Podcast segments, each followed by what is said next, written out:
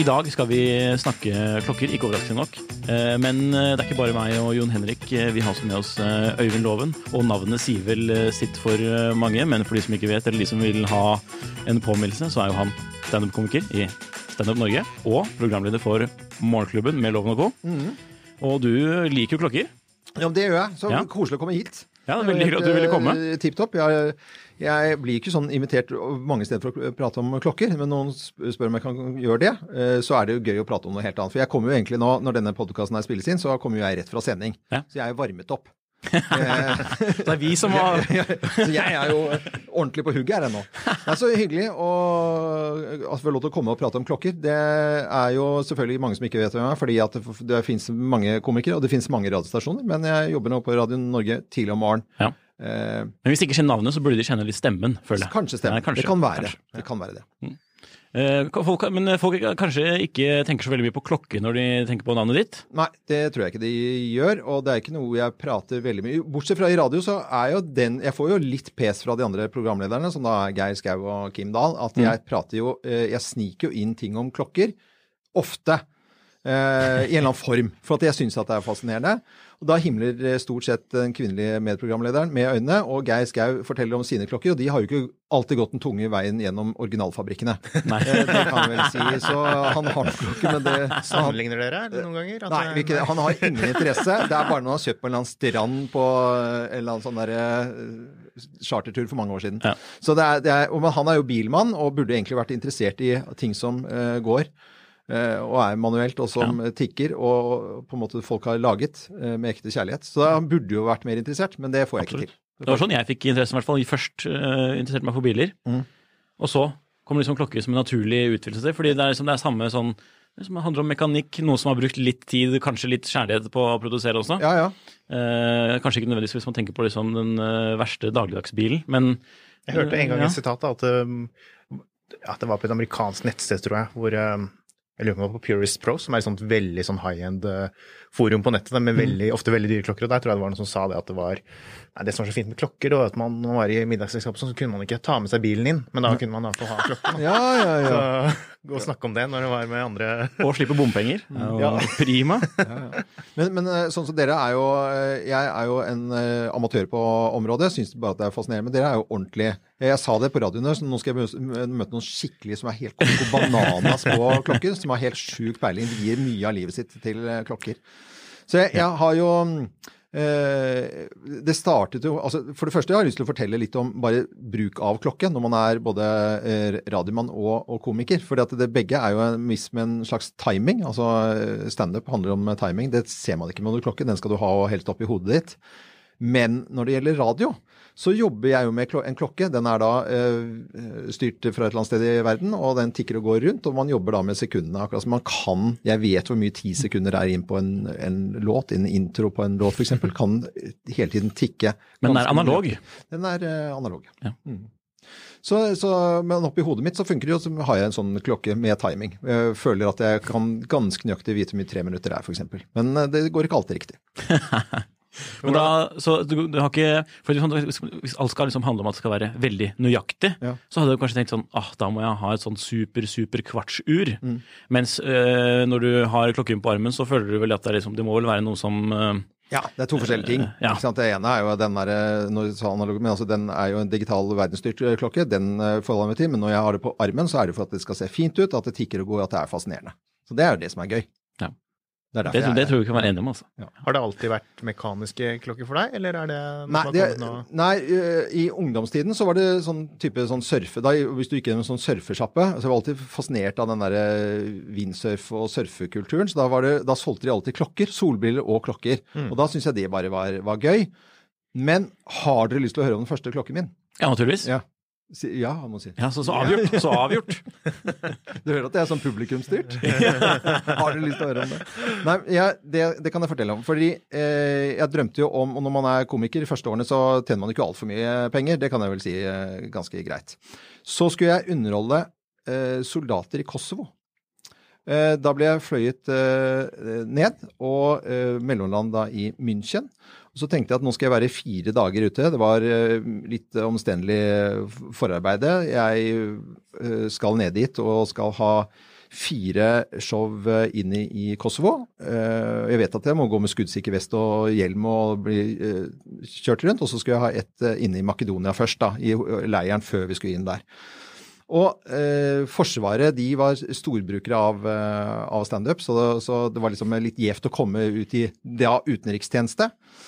Og så hadde jeg bestemt meg at de pengene jeg eh, tjener på det oppdraget, eh, så ikke de skal forsvinne, de skal jeg bruke til noe fornuftig. Så da var jeg i München, og så så jeg en Breitling. Hadde alltid ønsket meg en Breitling-klokke. Og så tittet jeg på å være liksom, ut av eh, mot Kosovo. Da kjøpte jeg den ikke da, da. Men jeg kikket på den, og han viste den frem, og jeg så denne, det var en Super Ocean med blå, blå gummirem. Blå skive. Lyste opp der, og jeg eh, ble veldig fascinert. Hadde jo tittet eh, litt på eh, tidligere, litt brosjyrer og litt sånn. Og så gjør jeg det, da, og kjøper den klokken for de pengene. Så den har jeg da enda, den klokken. Har den ikke med i dag, den ble, jeg tror den ligger i båten. Men det er en sånn kul ting, for de pengene kunne like gjerne blitt borte. Men den klokken da er den første liksom, ordentlige klokken med et ordentlig urverk som jeg kjøpte. Husker du liksom den første, første, første klokken? Eller? Nei, det, Nei. Det, det gjør jeg ikke, for det var noe ræl som jeg ikke har noe forhold til. Men jeg ønsket meg klokke i konfirmasjonsgave. Mm. Alle kompisene fikk det. Jeg fikk det ikke. Jeg fikk gullmansjettknapper. Jeg er dritsur på foreldrene mine. For Er det mulig? Så jeg har overkompensert nå, så nå kjøpte jeg da selvfølgelig til Jeg har øh, sønnen min nå som, øh, som er 17. Han fikk da for ja, det blir tre år siden øh, klokke i konfirmasjonsgave. Og sønnen min som nå er 12, øh, skal konfirmeres om to-tre år. Han skal selvfølgelig også få klokke. For jeg skal ikke gjøre den feilen der. Nei, Det som jeg gjør det. Det er, det er godt. Jeg hører mange, når mange som forteller om eh, sin første klokke, da, så føler jeg at de er sånn, og det er en sånn svært omstendig historie. Ja. Som er liksom pakket inn på en veldig sånn flott måte, Mm. med glanspapir og alt mulig. Men så er det liksom Jeg var tre. Slutter Ja. liksom historien med det. Og så tenker han ja vel. Hvor, hvor mye sannhet ligger i denne historien der? og Hvor mye er bare sånn pompøs fjas? Eller så tror jeg noen ganger det er litt sånn man har første klokke, og så har man den egentlig første Ja, klokken. ja ja. det sånn dette blir, da. Ikke sant? Med, med at det var et første ordentlig- ordentlige Ja, ordentlige. ordentlig. Ja. Må si det sånn. ja. Ja, ja. Men Det er en fin historie, det. Den, husker man. For, når var dette for de som er unge? Det var 2000, så Ja. det, er, eh, det er noen år siden. Det er et par og 20 år siden. da. Ja. Så jeg var jo forholdsvis eh, voksen, og før det så var det bare tull. Jeg sy- syntes det var fascinerende med klokker, men jeg brukte ikke mye penger på det. Jeg hadde ikke så mye av det heller. Så det var på en måte det, et, eh, den ordentlige, da. Ja. Og så, var, det så var det en liten pause mellom neste kjøp. Ja, da, da skulle jeg da skulle jeg være med i et TV-program. Jeg skulle lede et TV-program som ikke ble den store suksessen. Eh, sammen med Zaid Ali blant annet, hvor jeg skulle være ankermann. Og så tenkte jeg at da skal jeg gjøre to ting. Jeg skal ha en klokke som syns på TV, og så skal jeg ha en kul, kul penn. Så da ble det en Montblanc-penn, som jeg alltid bruker. Det har jeg eh, alltid med på jobb. eh, når jeg som eh, komiker. Alle settelistene mine har vært skrevet med en Montblanc-penn. Er det, er det fyllepenn, eller er det sånn ballpoint? eh, Nei, det er en vanlig ballpoint, men jeg har fyllepenn også. Men det er så tungvint å bruke. Men denne her Jeg har snudd med taxi. Fordi at den må være på innsiden av dress, eh, dressjakken hvis jeg skal på jobb. Så den andre klokken da ble en Montblanc Timewalker. Og eh, det, det er en sånn eh, klokke som Ja ja, dere kan fortelle meg litt om det. For er det akseptert i klokkeverden med dette, disse ETA-U-verkene, eller er det liksom sånn liksom-klokker? Dette må dere sette meg litt inn i. Altså, det er det. Det er, ikke det. Det er vel, det er vel ikke urverket som folk eh, skal, man, skal man bruke ordet kritiserer, Jon Henrik? Eller som, som vel- man myser litt på, da. Det er vel, det er vel heller det at det, de hardbarkede entusiastene syns sånn at merker som liksom også lager skinnvesker og penner, Mm. de, de syns ikke at det er like kult som de som bare lager eh, superdyre klokker. Ja. Man kan si på den måten. da. Og det er jo der det ligger. Det handler ikke om at kvaliteten er eh, dårligere enn hos konkurrentene eller ikke. Det handler liksom bare om hvordan brandage-imaget er styrt, føler jeg. Absolutt. Men så er det også kanskje noe som har endret seg litt nå, i hvert fall de seneste årene med Montblanc. At de har fordi eh, For en del år siden så, så kjøpte eierselskapet til Montblanc For eh, Montblanc er jo en del av en luksusgruppe som Ja. eier mange andre merker, og som eier veldig mange av disse store Panerai og IWC og Jeger Kult og alle disse store merkene. Mm. Um, de kjøpte en urveifabrikk som heter Minerva, som eh, er veldig, veldig respektert. ja, det er det jo. Eh, de lagde jo masse um, urverk og, og sånn selv, og så mm. ble det en del av Richemont, som da er eiergruppen, og så endte det opp med at det var Montblanc som fikk, fikk eh, overta på en måte Minerva, og som integrerte det som en del av Montblanc. Så de lager nå klokker som er på et veldig høyt nivå, med veldig spesielle urverk, og som koster veldig mye penger. Tourbillon til og med. Eh, så- Tourbillon, ja, eh, og spesielt kronografer, da, som Ja. liksom er en av de signaturene til det gamle Minerva. Mm. Eh, veldig mye flott. Og så lager de også ting som er litt mer tilgjengelig, eh, med typ ETA-verk, som du nevner. da. Mm. Eh, men altså, kvaliteten er jo god. Det er jo, det er jo bra klokker også for prisklassen, så hvis man bare ser på kvaliteten, så er det jo ikke noe å si på det. Men det er fortsatt, selv nå da, med disse ville urverkene som det er i noen av disse kronografene og, og i Tourbillon og sånn som du nevner, så Mm. er det så er det fortsatt noen som ikke helt klarer å akseptere Ja. nettopp bare pga. merket. Ja. Så det er veldig rart, det der. da, sånn... eh, vi er jo litt sånn irrasjonelle klokkefolk. Det går liksom litt på, på merke og følelser og, og sånne ting. Ja, jeg eh, kjøpte da uh, Montblanc-klokke for at jeg ville ha det, fordi at jeg hadde brukt pennene. For at jeg syns at man skal ha én penn. Og dette Ja. er jo, har jeg fått eh, vite altså av eh, forskere på Cicero eh, at det er lurt, det er bra for miljøet å eie en Montblanc. Jeg blir alltid tyna for det. fordi hvis du har en Montblanc sånn som den, eh, den Ja, dette er en annen, ja. Men, så, men jeg har hatt en i, i 15 år. Hvis du fordeler det på eh, hva det koster i året da, Mm. så kan du tenke deg hva folk her på huset hvor vi spiller inn denne podkasten Her ligger det bare en Bic Pen. Hvor mange sånne går med i løpet av et år? Hvis man tar vare på én penn, eh, så er det bra. Ikke sant? Det det er forslag til miljøtiltak. Ja, ja, det er mitt miljøtiltak. Media, og Ja, ja. utstyr ansatte med en eh, Mont Ja. Er Jeg får snakke med sjefen. Bærekraft. Bærekraft med Moplapen. Men, men det, er, det, er, så det er egentlig ikke godkjent, da, i, men allikevel så ser vi en litt eh, sånn som du Det, eh, det, det, det vil vi faktisk ikke si, at det ikke er godkjent. Det, det er litt sånn delt. Jeg føler det er hvis, Jeg føler nesten det Hvis man har skikkelig peiling på klokker, Mm. så klarer man liksom å se litt av den kvaliteten og litt av det som er gjort med merket. da. Mm. Og så klarer man å beundre det. Um, Nikolai er jo ganske fan av eh, en del av de nye Montblanc Og det skal jeg kan si hvorfor. ja. For jeg har, jo hatt, jeg har fått lov å være, øh, besøke fabrikken, og, Ja, og. Minerva. Det hjelper. Minerva-fabrikken. Det, Ja, hjelper. det hjelper. Men og på Minerva-fabrikken må det sies at det der produseres det Jeg tror man kan telle det på, på ti hender. hvor nesten er sånn, ja, Det er sånn 100, et eller annet, 100 og et eller annet klokker. Mm. Eh, i hvert fall tre, bare, Det er kun tresifret antall klokker som kommer ut av den fabrikken i året. Og alle sitter med sånn treverktøy og koser seg, og med sånne messingting og Ja. masse Så det er bare, det er bare liksom håndarbeidet, og det er jo sinnssykt. Mm. Eh, men så Man kan jo også se litt kynisk på det, da, at eh, Mont eller de som er Montblanc, kjøpte den Minerva fordi det skulle skape legitimitet til Montblanc Mont som i sin, i sin helhet. Mm. Og det er jo et poeng. Men det Mont Blanc også gjorde, av, de, var, de skaffet seg jo en sinnssykt dyktig sånn eh, klokkesjef som heter Davide Cerato, som vi har nevnt mange ganger i den podkasten allerede. av en eller annen. Men han, han var jo den som liksom har fått mye æren for at Tudor gjorde det så mye bra eh, nå med disse eh, Black Bay-modellen og sånn. Ja. Så han var jo liksom kreativ sjef der da når de ble lansert, så han liksom sto bak det. Og så kjøpte, eller kjøpte, så hyret jo Mont Blanc inn han, da. Så da har det jo kommet noen sånne vintage-inspirerte klokker fra Mont Blanc også, og de er faktisk innenfor kategorien kult. Ja, innenfor kategorien kult. Ja, det er, det er, er bra. Ja, jeg liker det fremdeles. Jeg har, eh, jeg har tre stykker. Eh, bladklokkene. Mm. Begge, alle tre to koreografer, eller? Ja, alle sammen. De er ganske like. Det er bare at det er en som jeg eh, Den med lys skive der, eh, og roségul inni, vel, den bruker jeg bare på søndager. Det er søndagsklokken. min. Søndagsklokke. Ja, jeg bruker den kun. hva, hva timer man på en søndag? Og så er det jo hva man timer på en søndag. Hva tenker du på? Nei, men Du har jo en kronograf, så du Ja, må få ja, nei, det, er jo, det kan jo være søndagsstek for alt du vil. Det kan være sous vide. eh, Det kan være aspargesbønner. Tre og et halvt minutt. Mm. Jeg har lært av Helse. Nei, det er mye. Du må ikke kimse av det, altså. Nei, nei, nei. Kronograf på søndager funker som en kule. Du, kanskje du skal arrangere et lite skøyteløp i hagen. Jeg vet ikke. Men Jon Henrik, kan jeg få stille spørsmål da om, om disse delene? Er det sånn at Montblad tidligere i hvert fall har tatt ut det utmerket de kjøper da fra ETA, og så tar de ut noen deler og bytter med sine egne som de syns liksom skal synes litt, eller som skal være litt prestisje, eller som er litt dyre materialer? Eller er det bare noe jeg Altså, jeg, jeg regner med det er, det er jo litt varierende praksis på det sånn i bransjen, men det er sannsynligvis Jeg vet ikke om det er noe Sånn som her, så har de jo Den eh, du har her, så ser jeg jo f.eks. rotoren er jo egen. Mm, Um, men de får nok levert ganske ganske mye. komplette Ja, verk fra ETA. Ja. Nå har jo ETA, det, det er også en sånn eh, En av de årsakene til hvorfor mange merker eh, har gått over til å lage urverk selv. Mm. Det var jo opprinnelig fordi at ETA kuttet jo veldig ned på tilgangen til urverk. Mm. For de hadde ikke lyst til å være liksom den leverandøren og holde konkurrenten i live, for de er jo eid av Swatch Group, som Ja. også eier Omega og Longin og alle disse merkene. Ja. Og så leverer de jo da urverk til konkurrentene.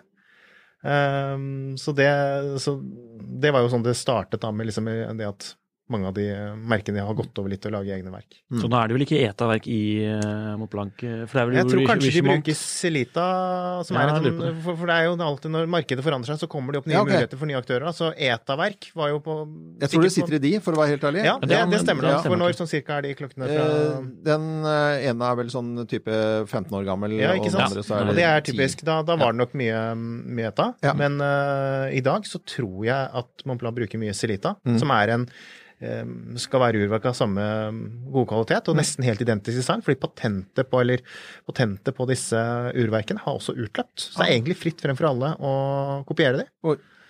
Men Celita er jo da et sveitsisk selskap, og er jo da kjent for å lage liksom, en tilsvarende kvalitet som, som Bra for å vite. Så det er veldig mye sånn rare Ja, ja, rare ting og årsakssammenhenger og, Mm. og sånn. Så. Men det er jo selvfølgelig også noe med det med egne, egne urverk, at det også har blitt veldig fokus på det. Altså Ja. at det er mer prestisje og sånne ting. Men altså, det er jo øh, Jeg vil jo si det at i eh, hvis man ikke er i liksom, de aller dyreste prisklassene, så er det Mm. ingenting galt med ETA. Det er velprøvd, man vet det fungerer. Det. Det er lett å få service på det, det er lett å få deler. Det kan være, like, altså det kan være mye, mye mer driftssikkert enn et uh, urverk fra en ung produsent som aldri har nesten laget noe urverk før, som har leid inn en eller annen konsulent til å designe et eller annet verk for dem, også for å kalle det sitt eget. Så um, jeg kjenner jo mange som, som nesten sverger til ETA, i hvert fall i, i de litt lavere prisklassene, hvis det er en klokke der, som heller ser på det som en, en styrke enn en, enn en svakhet. Ja. Så jeg lærer masse i dag, ja. Det som er jo tipp topp. Men så, så var det det med, med egne inhouse-urverk, da, som man skjønner at det er viktig. Og da eh, eh, Det har jeg jo med til dere eh, i dag. Noe som er ganske kjent, for det har jeg skjønt, da. Ja. Og det er Moser. Ja. Eh, nå, for, nå, skal dere- nå har jeg kjøpt den klokken her, og jeg, vi har ikke diskutert den klokken her. Hva, for jeg, jeg, har min historie både på hvorfor og hva jeg syns om det. Ja. Nå skal dere som er klokkegeeker, er det lov å si det? Er det, er det lov å si det? Vet, får, Nei, ja, ja, vi, klokke- det, ja. det må være lov. Eller Vi entusiast. har et eller som og kaller det. Det kalles egentlig entusiast. watch idiot savant. Ah, det var fint. Det er liksom den der Ja, internasjonale termen på det. Nei, det var bra. at man bare kan, man kan ingenting, men klokker det kan Klokker man. dere. Ja, men det er bra. Men jeg har med en eh, grønn Moser, eh, en pioner. Ja. Eh, hva syns dere? Nå skal dere få lov til å fortelle litt hva dere syns. Rålekkert, først og fremst. fremst. Det, er jo, det er jo, sånn, eh, dette er jo en morsom eh, merge av, for eksempel, av forskjellig design. For her har du noe som eh, mange vil ansette som å være en tradisjonell eh, eh, liksom dressklokke, i anførselstegn. Men så er du likevel utstyrt med en gummirem, og så er den litt stor i størrelsen. Og så har du litt sånne morsomme fasetter eller sånn, og graveringer, eller altså ikke graveringer, men eh, utfresninger på siden av kassen, da, som gjør at den får et mye mer sånn sportslig inntrykk. Og det gjør egentlig den til den perfekte hverdagsklokke. Jeg så Moser første gang i et magasin. Da så jeg en Blue Lagoon. Som da ikke har noen ting. Det står ingen på klokken. Det er bare en eh, skive og tovisere ferdig snakket. Det er ikke mer på den klokken. Det ble jeg fascinert av. og Den så jeg for mange år siden, og begynte å lese om eh, denne bitte lille, snodige fabrikken da. Og så satt jeg med, og så så jeg på flere klokker, og så leste jeg litt om denne historien. Og så øh, så jeg alle reklamefilmene som, som var litt snodige med denne Edvard Milan, øh, Milan som han heter da, øh, sjefen for dette firmaet. Og han er jo en liten snål kunstner selv, på mange måter. Jeg tror han øh, både er musikalsk og har talent for veldig mye, men så driver han dette seriøse firmaet som allikevel driver med ganske mye tull og tøys. Og det fascinerte meg stort. Så eh, gikk jeg og kjøpte denne klokken her. Jeg var, eh, den, det var vel noen som hadde prøvd seg på det først. Hva heter de? Det var Tidemann som eh, hadde De hadde vel Moser så vidt innom, tror jeg, før de gikk eh, Ja, det, det, det høres riktig ut. Og så, eh, etterpå, for at de da, da snakket jeg med Bjerke, er det, no, er det noen som har dette, har dere tenkt på det? Og så var Bjerke da sånn, nei, jeg kan ikke snakke om det akkurat nå. Så var det, sånn, de, det, det var litt sånn, de skjønte at, det, ja, hallo gutta, nå, jeg hører at det er noe, ja, kan du ikke ringe neste uke da? Og så var jeg fus, altså det, husker, har dere kjent med uttrykket? Fus, Ja, ja, ja, ja. Jeg var fus på Bjerke til å kjøpe eh, Pioner og, og Moser. Nice. Eh, Så det, det, er, det er jeg veldig stolt av, fordi at jeg eh, mener at dette er et helt fantastisk genialt merke. For det første er det få klokker som blir produsert. Det er veldig få som har det, og jeg liker at ikke alle andre har den samme klokken som meg. Og så syns jeg det er gøy historie, eh, og så syns jeg at de gjør noe som ikke alle andre gjør. Derfor vil jeg ha den klokken. Ja. De er jo den eneste, vil jeg si, av de liksom, hva skal man kalle det, prestisjemerkene som har humor. Ja. Ja. Fordi de, kan, de har jo produsert en klokke, Swiss Alp Watch for Ja. eksempel, som liksom var eh, Det var denne osteklokken, var ikke det? Nei, det var Eller- Nei, det beklager, det er den som ligner på Apple Watch. Apple Ja, det er den som ligner på Apple Watch. Den er jo veldig morsom, for det er jo en klokke som bare ser ut som Apple Watch, Mm. og så, men så snur du den rundt, og så har den bare et fantastisk urverk. Ja, det er akkurat det. Og det er, bare, det er bare oser jo Det er bare sånn man må smile av, og man vil jo smile når man ser på andre, så Og Ja, han, Eduard Edward eh, Milan han har jo da tullet også i reklamefilmer med dette her. De har laget på en måte En periode så lagde de reklame både på trykk og, og, og filmer som var tullet med Apple. Og så hvis han ble konfrontert med det, så sier han 'hæ, jeg skjønner ikke hva du mener'. Så det, det, er jo, det er jo kunstnerisk virksomhet eh, utenom eh, selve det og klokkeproduksjonen, vil jeg også si. altså. Jeg syns de er skikkelig, skikkelig flinke. De er jo veldig annerledes enn de litt sånn stive dressene Ja. i de mer sånn ærverdige gamle Mm. merkene Vacheron og Patek og alle disse. Så det er, det er noe spesielt der. Og, men familien som eier det, de, Mm. er, de har jo egentlig en ganske dype røtter sånn i klokkebransjen. Eh, Ja. Pappaen hans var jo sjef for Oddmar Bigaminet. Ja. Så gikk han vel derfra og så kjøpte, kjøpte Moser. Det var en annen investorgruppe som eide, eller som restartet Moser Mm. litt tidligere. Men jeg husker ikke helt når det var. Husker Nei, nei, Nikolai, nei. Når det, de kom inn på eiersiden. Men de gjør ting sin egen vei, og så er på sin egen måte. Og så tror jeg også det at de, ehm, de Jeg tror de støtter seg også litt på andre aktiviteter som en leverandør til en del av de andre stormerkene. De har fjærer. Så de er ikke bare avhengig av å liksom lage De Ja. selger i liksom titusenvis av klokker. Nei. Eh, Men det er noen ganger også nesten litt, føler jeg, litt sånn showcase av dette kan vi Eller se hva vi kan. Ja, ja. Eh, Og det er jo kult. Ja. Eh, Men det, den, for at nå sier jeg sikkert, dere kan jo alle sånne uttrykk, men altså er det springfjær? Balansefjær. Balansefjær. Den Ja. som er vanskelig å lage, mm. den lager de. Ja. Eh, Og den lager de for andre eh, Ja. Det er veldig få som lager det har et Minerva er jo en av de eget få som gjør selskap det. som heter Precision Engineering, som, de er, som er et heleid eh, monsterselskap, som, som leverer mye deler og sånt av urverk og, Mm. og sånt til resten av Det er den andre delen av fabrikken. Jeg har så veldig lyst til å besøke den fabrikken. her, For det, Ja, det burde du få lov til. Ja, jeg føler jo at jeg, jeg nesten føler meg som ambassadør. Jeg har ikke skrevet under noen kontrakt, altså, men jeg, jeg er veldig deala på dette greiene her. Det må jeg si. Men det er jo også et merke som jeg føler har kommet litt sånn i vinden nå de seneste årene. Mm. Kanskje nesten litt sånn motreaksjon til den hypen som man ser på en del andre merker. Da. At man, når man først skal ha en dyr klokke, så kan man heller se mot noe som er litt mer unikt, og noe som ikke alle andre har. Det er det jeg tenker også. For uh, det er jo et eller annet med å uh, ha et så dyrt uh, urverk på, på seg, noe som man betaler uh, det, det, det var som du hørte en på Bjerke sa en gang. Uh, da sa han det riktignok om en Lang og Søn-klokke, da. Mm. For det var en som sto på en sånn klokkemesse, da. Oslo Watch Fair. Og så er det en, tror jeg, en dame som sier at ja, det er jo fryktelig dyrt, da. Så svarer han ene nei, ja, det er, det er ikke dyrt, men det er, det er, det er litt kostbart. Eh, og for det er dyrt, men det, altså, det, er jo, det, mye, det er jo selvfølgelig, men det er jo kostbart. Det, hvor Ja. koster det? Så det syns jeg var bra svar på, på, på det greiene der. Men eh, jeg har jo eh, lyst til å eie noe som ikke alle andre har også, selv om jeg har da tatt med en eh, klokke som veldig mange eh, høres litt klysete ut, ønsker seg. Eh, eh, og det er en, det er en Rolex Pepsi. En god gammeldags GMT-master. Ja. Og den eh, skjønner jeg at det er For det, det er jo den klokken som, som er sånn overhypa. Som eh, eiendomsmeglere og fondsmeglere og hedgefondfolk og folk uten identitet som bare. Vær forsiktig, husk at det er Finansavisen dette Ja, her. jeg vet det. Jeg vet det. De, tåler, de får tåle det, de som hører på. For jeg har den selv, og den klokken der oppdaget jeg for mange herrens år siden. Den så jeg nemlig. Og det, det er ikke noe jeg har kjøpt meg i nyere tid. Den er eh, en god del år gammel, Mm. og jeg har hatt den i mange år. Eh, kjøpte den for nærmest ikke noe penger, og jeg skjønner at den er hypa opp nå. Men den klokken syns jeg bare var grisefin. Eh, og eh, alltid syntes den var pen. Jeg syns det er en pen klokke. Og det hadde ingenting med noe pris og den gangen å gjøre, for da visste jeg så lite om klokker. Jeg visste så lite om Rolex, bortsett fra at Rolex alltid har vært et stort navn da, og forbundet med luksus. Men klokken er pen, og det syns jeg fremdeles. Derfor har jeg den. Det er, derfor, det, er det, det er det de vinner på. De har laget klokker i ekvilibrium.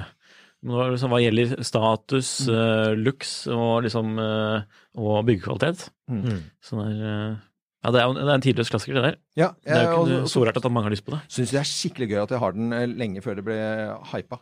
Det er et viktig poeng. Ja, det er jo det. Hvor alle, var det etter 2016 cirka, det begynte å skje koke bananas-ting. Ja. Sånn cirka. vi- Det har gått sånn gradvis. Også. Ja, det har gått gradvis. nå, nå, det må vel Vi har jo sagt det lenge, men det må, må vel ha nådd toppen nå snart. Ja, det Det er ikke sikkert at folk tror det, altså. Eh, Eller, ja, jo, det kan hende at folk tror det, men jeg tror jo ikke det personlig. Nei. Det gjør vel ikke folk i redaksjonen her på huset heller. Eh, Jeg er ute det noen ganger og spår, eh, spår sier at det er boble og sånn, da, men eh, når det skal stoppe, det vet jeg ikke. Men jeg, jeg tror det må, det må jeg, jeg, pleier å si sånn at um, um, det stopper når det slutter å være kult. For jeg føler at veldig mye av disse, den prisstigningen man har sett, er drevet av litt sånn uh, nye typer kunder som ikke nødvendigvis er så veldig interessert i klokkene egentlig, men som ser på det, har sett at det, registrert at dette her er kult. Mm. Det er kult å ha en sånn klokke. Det er på samme måte som det er kult å ha en viss type joggesko eller noe luksuslærvarer eller en bil eller altså Og, og så tror jeg det at når, når veldig, veldig mange begynner å, å få det på armen, Mm. så tror jeg det etter hvert vil slutte å være kult. Mm. Og da kanskje det roer seg litt. Jeg jeg Um, støtter, støtter det på, på lang, langt på vei, altså. Mm. Eh, Det er bare så interessant at de har fått, til, eh, fått eh, til så over så lang tid. Det er Ja. det på en måte at når jeg vokste opp da og tilbake til den konfirmasjonsgreia. Hvis jeg hadde fått en Rolex da, så hadde jeg gått i bakken og tro, tro, ikke trodd at det var riktig. For at det, det var jo luksus den gangen også. Jeg, jeg er jo passert 50 for lengst. Liksom, det var, har jo vært luksus lenge. Men det er jo siste at det, folk, som du sier, altså de, de kjøper seg nærmest noe som eh, signaliserer et eller annet at du har gjort noe riktig, eller at du er med, eller ja, Det var derfor jeg tulla med det der identitetsløse greiene. At eh, folk kjøper seg en annen, et image da, som de kanskje ikke nødvendigvis har hatt hele livet.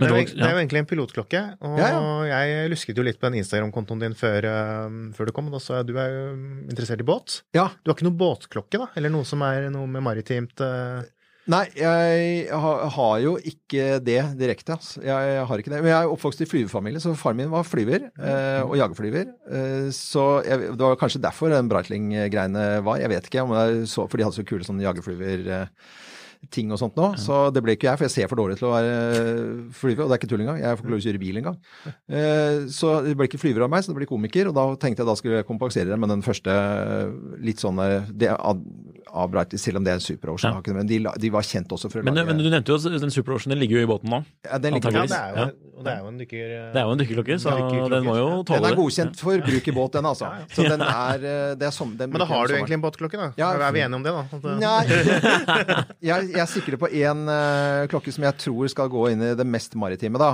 Uh, en blank pæ. Uh, 50 Fathoms inn Ja, i, med blå skive, blå vessel. eh, litt kul sånn canvas-type rem. Den har jeg sikret på. Dæsken døtte, den er fin. Det er denne som har, eh, som har sånn sunburst-skive litt sånn- Eller er det en mastblå, den urskiven der? Nei, den er bare veldig blå. Den var bare veldig Ja, blå. ja. Jeg, jeg vet ikke, jeg, altså. Nå spør Nei, jeg, bare- jeg, bare, bare jeg bare ser for meg Jeg, tror, jeg lurer på om den har sånn eh, Ja, Vi skal ikke eh, fastslå det med største sikkerhet. Det er titan, da. Men uh, den er uansett rå... Ja, ja, det er den, ja, ikke sant. Ja, da, da er det den. Den er, den er, den er, den er plain blå. Mm. Ja. ja. Og det har jeg lyst til uh, å ha en blank pær, fordi det er jo sånn som uh, ikke alle tenker på at man skal kjøpe. Det er ikke sånn, det er, jeg syns det er litt morsomt. Det Og et, eh, eldste. Ja. Så det er for at du er tilbake til 1735 eller noe sånt. Ikke, ikke det eldste sånn som har vært nei. i operativt i, i, sammenhengende, Nei. men eh, per sånn eh, fødselsdato så er det vel teknisk sett det, er det ikke det? Det er det, leng det som klokkemerket som, eh, som fremdeles lever, som er det eldste. Altså, det var jo Men det har jo en periode hvor det ikke har levd, for å si det sånn. Ja. Oh, ja. Ja, som, en del, som veldig mange andre klokkemerker. Det ble gjenopplevet på 90-tallet eller 80-tallet av Ah. blant andre Jean-Claude. Jean-Claude Biver, Mm. som er en sånn legende innenfor industrien, da, som også har vært med å revivet f.eks. Hublot. Aha. Så på 90-tallet så gjorde- og 80-tallet så gjorde de noe som var veldig kontrært på den tiden. De bestemte seg for å ikke lage kvartsklokker, men istedenfor å lage kompliserte mekaniske ur. Mm. Og så ballet det bare på seg, så ble det jo Og det hadde de også i reklame en stund, for det, for det er jo De har vel fortsatt ikke laget en kvartsklokke Mm. med Blampin-logo på. Nei. Så og det var i hvert fall et, de, de, Det er vel kanskje en stund siden de sluttet med det, men de hadde reklamer sånn her eh, Siden den og den tiden, og så har det aldri vært en klokke, en kvartsklokke fra Blampin. Ah. De skrøt liksom av det. Så det var altså sånn uh... Men poenget, de fantes jo ikke under, de fantes jo ikke under kvartskisten heller, så vidt jeg vet. Så uh, da var det vel uh, Adundas. Mm, ja. Eh, ja. Ja, men det, det er jo et sinnssykt spennende merke, og det er jo en av de eh, merkene som man, kan, som man eh, ikke kan eh, selge for mer på Finn etterpå når du har gått ut av forhandleren. Nei. Så det er liksom de, de... noen, noen modeller kan man det. Kan man det? Ja, ja, okay. 50 farams. Ja, det er såpass populært nå? Ja, det er Men det er i hvert fall, det er i hvert fall uansett råd. Det, er veldig, det er jo et bra alternativ til liksom andre sånne dykkerklokker i den samme liksom, priskategorien, sånn Submariner og absolutt. sånt. Så det er, jo, det, det er jo ikke noe man ser på, på trikken hver dag.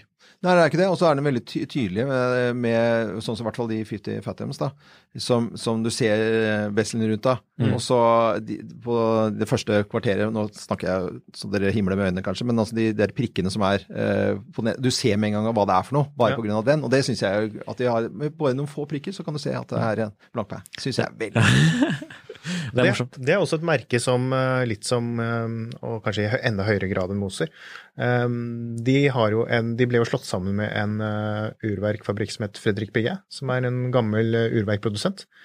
Som, eh, så de lager jo også urverk til en del andre merker, Ah. og, og litt sånn Eastwatch Group som de er en del av, da, med Omega og alle disse merkene. Mm. Så jeg var på fabrikken der, og det er kjempe, kjempekult. Og de har jo også de har jo litt sånn flere lokasjoner, da, men eh, spesielt ett sånt som vel kanskje var det opprinnelige bygget der merket ble startet for alle disse um, årene siden, da, som de har um, restaurert og, og kjøpt. Um, der var det jo liksom, så du jo liksom at de drev på og, og klargjorde klokker og finisjerte klokker og restaurerte klokker sånn på, på gamlemåten. da. Mm. Eh, Helt stille, gammeldagse uh, urmakerbenker liksom, og ja, ja. gammelt verktøy, og litt, kanskje litt den samme opplevelsen sånn som på, hos eh, Minerva i Høres sånn ut. Ja.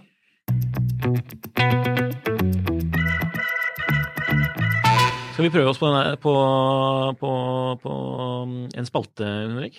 Ja. Og dere har spalter, så gøy. Ja, Ja, det vi har jo hva Ja, ja. vi har på håndleddet. Ja. Oh. ja. Nå har jo Øyvind egentlig vist frem sin allerede. Med, Ja, for du hadde jo på deg denne Grønne. Pioneren. Grønne eh, pioner fra Moser. Veldig veldig stolt av den eh, klokken der. Og den har de jo sluttet å lage. Altså den, Da sier de nei, vi lager ikke flere av den. Så den bare Men de lager Pioner, men ikke Ja, de lager pioner. Og de laget eh, noen eh, litt uh, flotte skiver med noe litt mer mot turkis. De lager en rød en. Ja. eh, og de har eh, blå en osv. Men akkurat den grønne der, den eh, sier de nå har vi sluttet å lage den. Kunne du tenke deg den nye Streamliner, da, den med integrerte lenker og litt sånn 60-70-talls-vibes? Jeg har, eh, jeg har prøvd den på ved et par anledninger. Syns det er helt genial eh, og morsomt. Men jeg eh, kler den ikke i samme grad som okay. jeg har sett andre ta den på, så sier wow, dette var klokkefeil. Er den litt for stor, eller? Nei, det er bare at den har noen former som jeg kanskje signaliserer at det, ja, den, det ser ut som jeg har lånt den. Eh, Men jeg liker Jeg, jeg, så, det- jeg var, jeg fikk lov til å se den veldig tidlig, og jeg syns den er kjempe, kjempe er Jeg syns de er flinke. Eh, jeg, ja, jeg syns de er griseflinke. Men, men eh, jeg, jeg har også sett eh, noe som jeg er fascinert av, disse her uh, minute-repeatere, Mm. som de, de også har, da, som er fascinerende i verden. Ja, den var jo, den, den Minute Repeateren var vel på, på Oslo Watch Fair. Ja. Ja. Første gang jeg så en Hørte, hørte du den, eller? Nei, den eh, hva, sa, hva sa du? Spilte de den? Nei, jeg bare tuller. Jeg Ja. hørte den. Eh, Det var, det var en dårlig vits. Var, men første gang jeg så en minute repeater, Ja. det var veldig gøy. For det eh, kunne jeg ikke så mye om. da. Og så eh, var jeg en middag hvor en hadde da fra et merke som heter Kronosviss. Ja. Det er jo ikke så mange som har. Det er veldig sært. Sånn, kjempesært. Og da ble jeg jo glad. Det syns jeg, da, eh, det synes jeg er fascinerende. Og kjøpte altså en skikkelig dyr, eh, eksklusiv klokke fra Kronosvis, og da en uh, minute. Og det er jo ikke, de lager ikke mange av det. Og da hørte jeg lille plinget der når den slår av. Og det er, det er, da kommer en sånn type klokke til sin rett, syns jeg. Ja. For, for Minute Repeater, da, for de som hører på, det er jo en klokke som kan synge ut eh, hva tiden er, rett og slett. Ja. Du begynner på eh, Klinger. hele time, og så halvtime, og så kvarter. Er, er det ikke noe sånt noe? Jeg, Eh, Kvarter og så minutt, er det vel? ja, er det ikke det?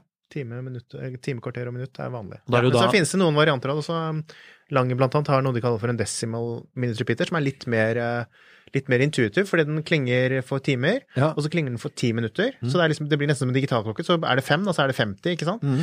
Og så klinger den for minutter. Så den er litt lettere og Ja. sånn, eh, mer, litt mer intuitiv.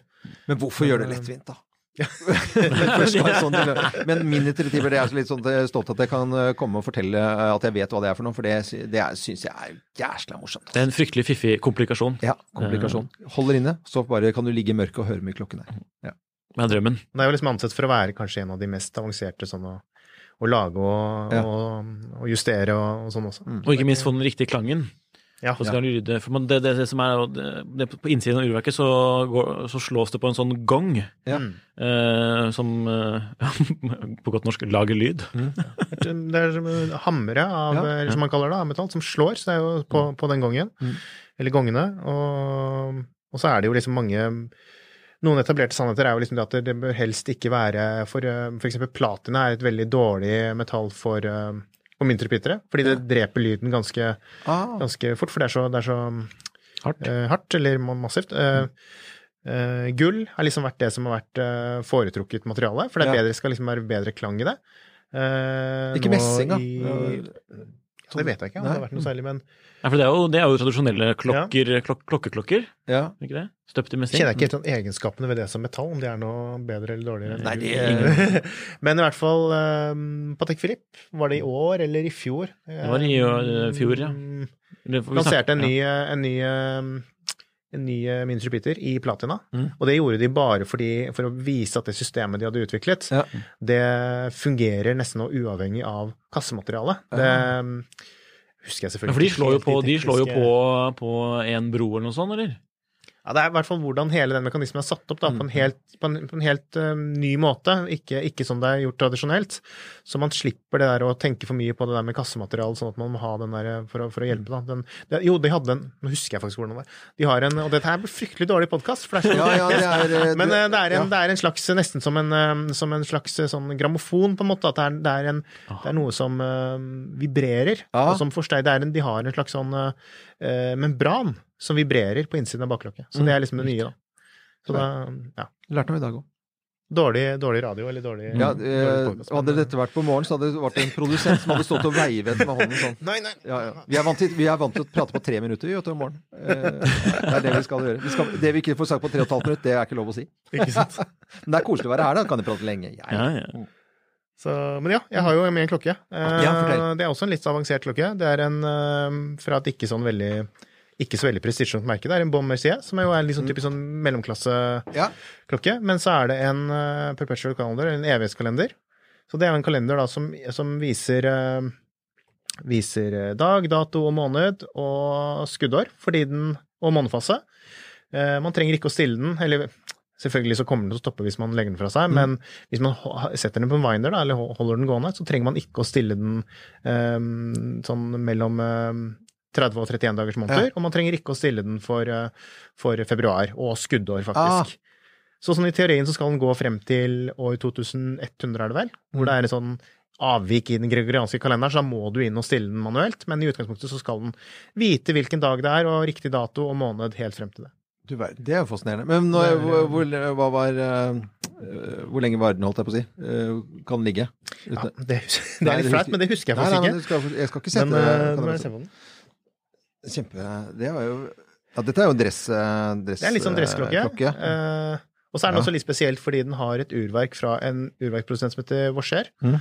Og det er um, Og pen. Pen klokke. Hvis du kjente merket som heter Parmigiani Fleurier, som er et litt sånn, også litt sånn sært Nei, det Nokså, nokså. Eh, Hva skal jeg si? Nesten litt sånn På en måte litt sånn Moser-type eh, merke i form av det at de, er et, at de var eh, liksom litt sånn utenfor alle andre og, Mm. og, og gjør veldig mye selv, da. MB, de som har MB Nei, hva det du sa for noe? Nei, ikke MBNF, nei. Nei, nei. Nei. nei. Eh, Parmigiani Fleurier. Ja, Parmigiani Fleurier. Fleurier. Um, de er eid av en Sandoz Foundation, som er sånn legemiddel, eh, lege, sveitsisk legemiddelselskap, egentlig. Eh, men de var vel Når var det de startet? De, man kan, kan man best forklare på- forklare som flamboyant, da, på et vis, men blant av de mer konservative merkene så er de ganske De var liksom en av de, en av de tidligere sånn store satsingene utenfor disse store gruppene, kan man nesten si. da. Ja. Sånn, og de bygde opp da, fabrikker for skiver, for, eh, for urverk. Um, og det merket det merket går vel ikke så veldig bra, etter det jeg har hørt. Parmigiani. Det, det er vel liksom underskudd etter underskudd etter underskudd. Men Urverkfabrikken og, og de andre fabrikkene som leverer til resten av bransjen i Sveits, de går ganske bra. Ja. Så, så urverket i denne klokken er da fra, fra Parmigiani. Og de leverer til andre merker også. De leverer til andre merker. de kan- de har leverer til nesten alle som vil. eh, Eller, Både Piguet, de har levert til Richard Mille. Eh, Hermes eier faktisk 25% av urverkfabrikken. Mm. Eh, Ja, og så leverer de også til hvis du, hvis du har lyst til å lage en klokke, så kan du ta en telefon til hva skjer, og så kjører de masse bakgrunnssjekker og sånn, selvfølgelig. Ja. Men så finner du ut at du har pengene og at du har gode intensjoner, så kan du kanskje få tak i lignende urverk da, og putte i klokka di. Mm. Så det- Det var en bra historie. det vil vel alle ha. Nikolai. Nikolai, Den- nå Ja. er du som skal Det er med jeg som skal til pers. Ja, og den var en eh, Det er en, Den- eh, den dagens høy, høyeste klokke. Ja, den er, den er fryktelig høy, og det er jo en grunn til det da, egentlig. Eh, og det er jo fordi IWC de gjorde seg store på å liksom, hva skal man kalle det, liksom, folkeliggjøre vanskelige komplikasjoner. Mm.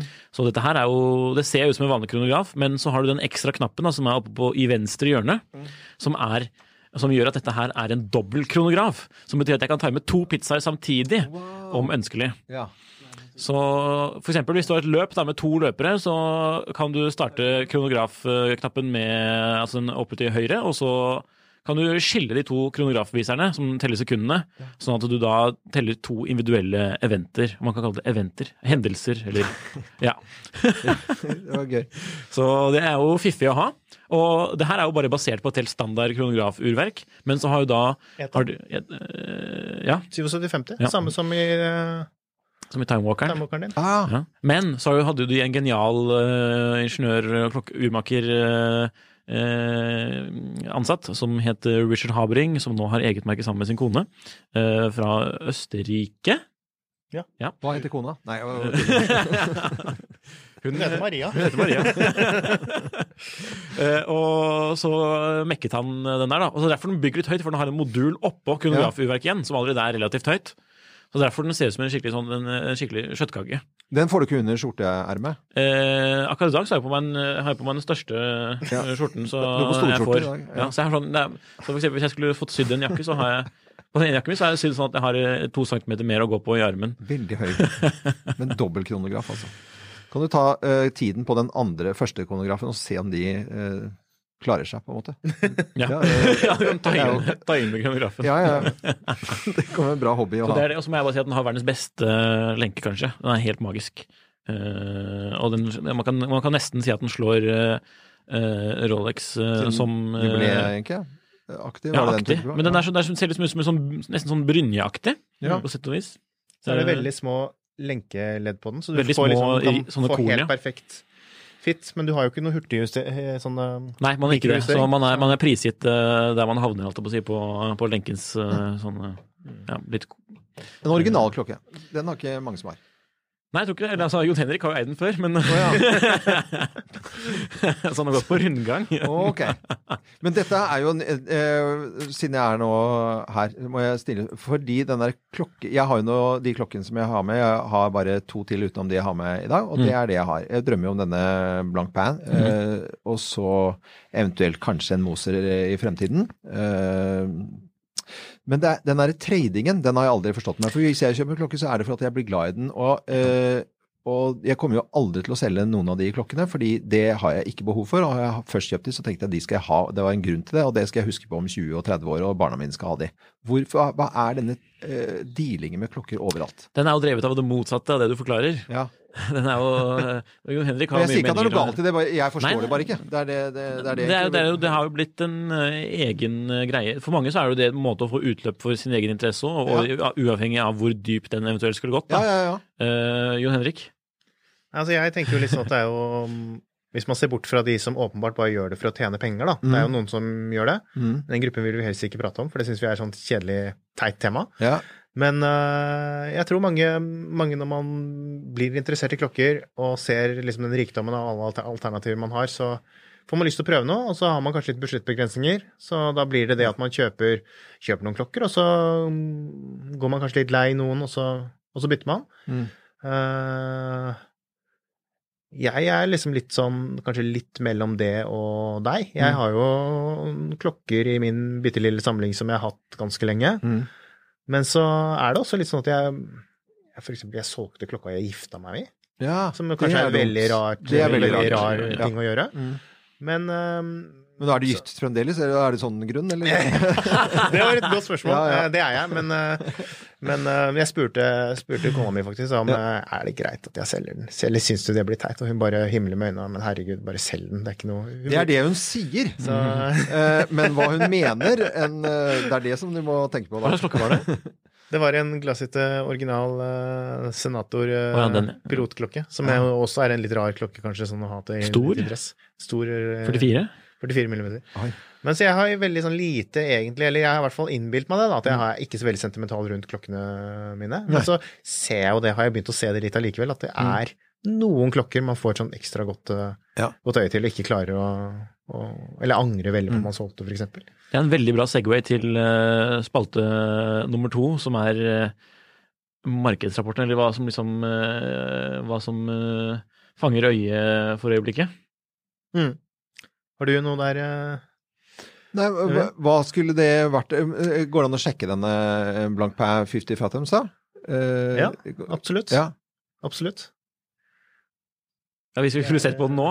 Men eh, altså, det, det, den er jo den, den er verdig eh, plass i spalten, ja. Ja. Og skal vi se, den er jo fortsatt i produksjon, ikke sant? Så Det du, må ikke du kjøpe, du må ikke kjøpe nei, den brukt. jeg, jeg kan jo ikke den spalten her. Nei, nei, nei, jeg, jeg, altså det, må, det, kan være nye klokker, det kan være gamle klokker, det kan være noe du har sett på finn.no for, for, all, for all del. Nei, men Hjelp sånn meg med én ting, da. Og dette Ja. blir litt eh, Nå skal er det jeg som ikke er forberedt her, men det er Jeg følger jo noen sånne flysider, og så var det noe Ja. fra Scandinavian Airlines Pol, det, Det er Pol, Polrouter. Ja, er det det? Universal Universal Jeg Geneva. så, ja, Sør dere to. Det er så bra. Begge to snakker Det er veldig bra. Men, og jeg forstår ikke hva de sier. Men det, Gammel, gammel liksom dressaktig Ja! klokke. Ja. hva er det for noe? Mikrorotor er det. Det er jo en klokke som ble utviklet av eh, Universal Genéve for eh, SAS-piloter når de åpnet denne nye ruten som gikk over eh, eh. Polen, holdt jeg på å si. Man kan kalle Sånn det det. Ja, og hvorpå eh, magnetfelt kunne gjøre at det ble noe rare ting som skjedde ved urverket, så de ikke ble like nøyaktige. Mm. Og derfor kom de da med, lanserte de en klokke som var mer motstandsdyktig mot det. Og det er ikke noe, sånn, det er ikke sånn, noe mer fiffig enn det, egentlig. Nei, for det er, jeg, jeg bare ser det at de legger det rundt, og, forst- jeg, og så eh, måtte jeg liksom eh, se på dette. For det, for det er mest av at det er noen kule fly, og så at Mm. Ja. det er en god del ålreite flyvertinner. Og så dukker disse klokkene opp da, innimellom. Og da lurte vi på i all verden måtte ha en historie, men nå fikk jeg den nå. Hvis du går på tidssonen.no, så har vi en veldig grundig artikkel om den Ah, klokken, faktisk. bra! Som en kollega av meg har skrevet. Så den er verdt å ta en uh, kikk Men, på. men det beste ved denne klokken det er at det var det første skikkelig store designet til verdens uh, mest kjente klokkedesigner, Gerald Genta. Gerald Genta.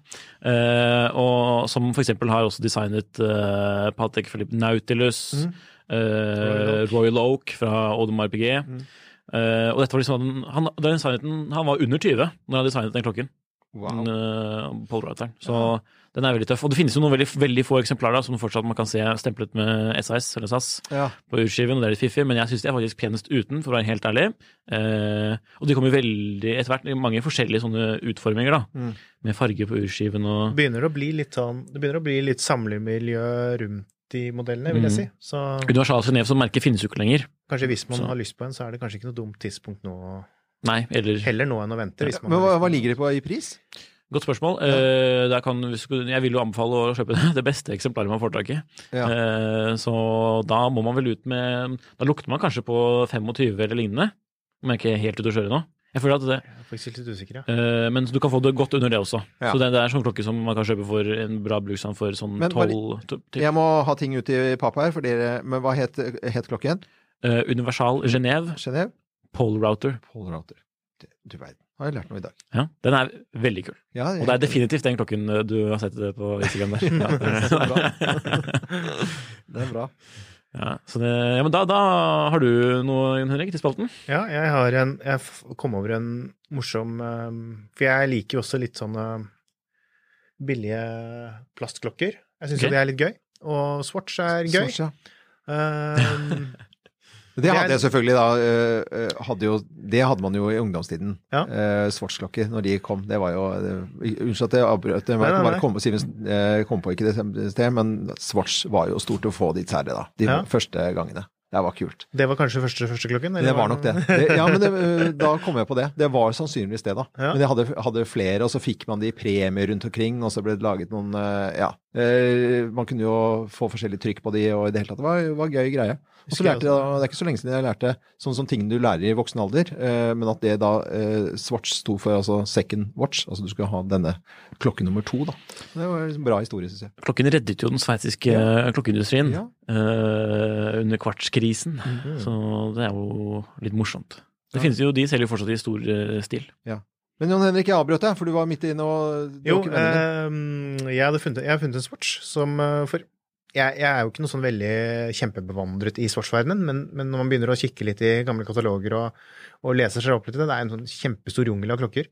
Eh, mye rare klokker. Mm. Og en av de, og det syns jeg er gøy, da, når det er litt sånn sprøtt og liksom man lurer på hva tenkte de egentlig på her. Og det er jo Nikolai har sett bilder, for jeg sendte det til han for noen dager siden, og det, det er en, altså en eh, ja, det blir jo nesten litt innpå det som vi var med den IWC-en som ikke går under eh, mansjetten, men der er det, da har de faktisk tatt en mansjett som de bruker som, eh, som eh, rem, Ja. og så har de rett og slett limt eller festet bare klokka, da, som er en, bare en rund kasse, Ja. i mansjetten. Så det ser ut som en stripete blå og, blå og hvit skjortemansjett, og så Ja. med, med en gøy. inni, da. Ja. Så, så den, den har referansenummer P, PMK eh, 117, hvis Mm. noen har lyst til å google seg opp til en sånn. Så det, Nå gikk pris på de opp 100 kroner. Ja.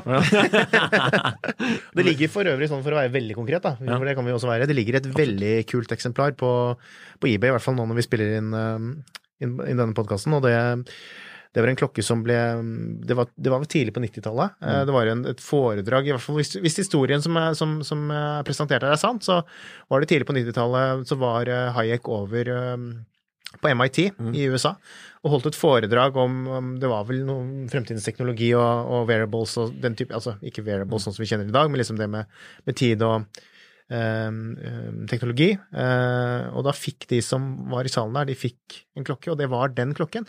Men den var litt spesiell, da, fordi de hadde på knappene så hadde de knapper med MIT Media Lab på disse her, da. Wow. Så de er litt sånn spesielle og litt sånn rare.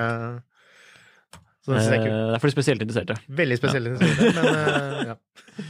Morsomt.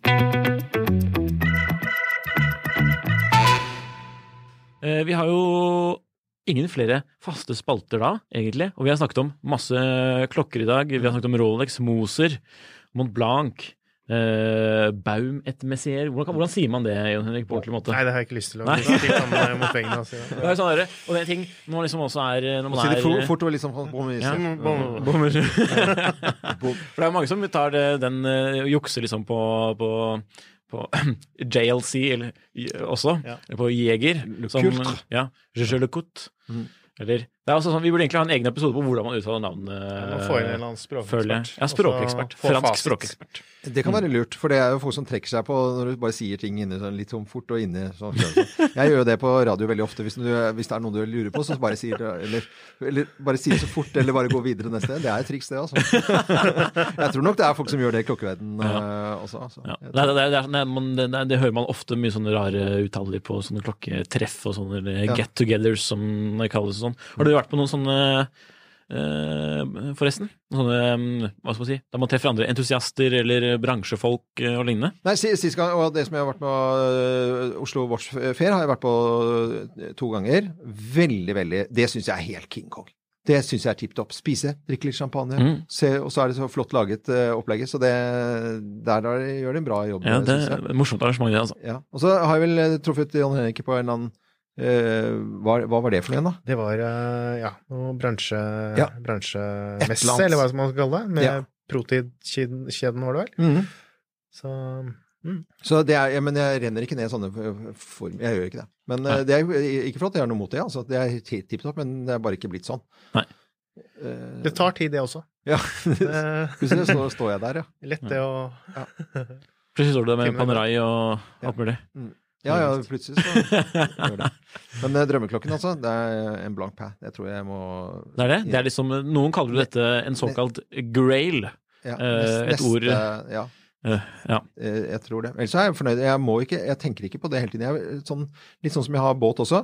Alle må ha liksom større og bedre hele tiden. Jeg kjøpte en, eh, en eh, Targa i 2012. Den har jeg enda. Begynner på 11. sesongen nå. Jeg må ikke ha ny båt. Kose meg med den jeg har. Liksom. Samme klokke Men det er en veldig fin båt, da. Ja, men det, visst er det fin båt. Det er jo båtenes, båtenes båt. Ikke, vi, det, vi har, har dere egen eh, båtpodkast? Nei, det, men det, kanskje det kommer? Ja, men kan ikke han der sjefen i huset, han er jo båtdilla. Så, Ja, det har han. Ja, ja. Da kan jeg bli invitert til det. Det vi vil gjerne ha deg på besøk i denne podkasten igjen eh, også. Ja, Eh, takk for at du kom. Eh, for dere som kom. Ja, nei, veldig hyggelig. Eh, Så dere som hører på, dere har hørt på Klokkelandslaget, en podkast fra Finansavisen i samarbeid med tidssonen.no. Så håper jeg at du vil sjekke ut eh, våre andre podkaster også. Vi har jo som sagt ikke podkast om båt, men vi har vin, kunst, gründerprat. Og så kan du få en daglig oppdatering av det som har vært i avisen eh, i morgenkaffen. Klokkelandslaget er en Finansavisen-podkast i samarbeid med Tidso. Programleder er Nicolai Giel og Jon Henrik Haraldsen. Produsent er Lars Brenden Skram. Podkast- og videoansvarlig er Marius Mørk Larsen. Og ansvarlig redaktør er Trygve Hegnar.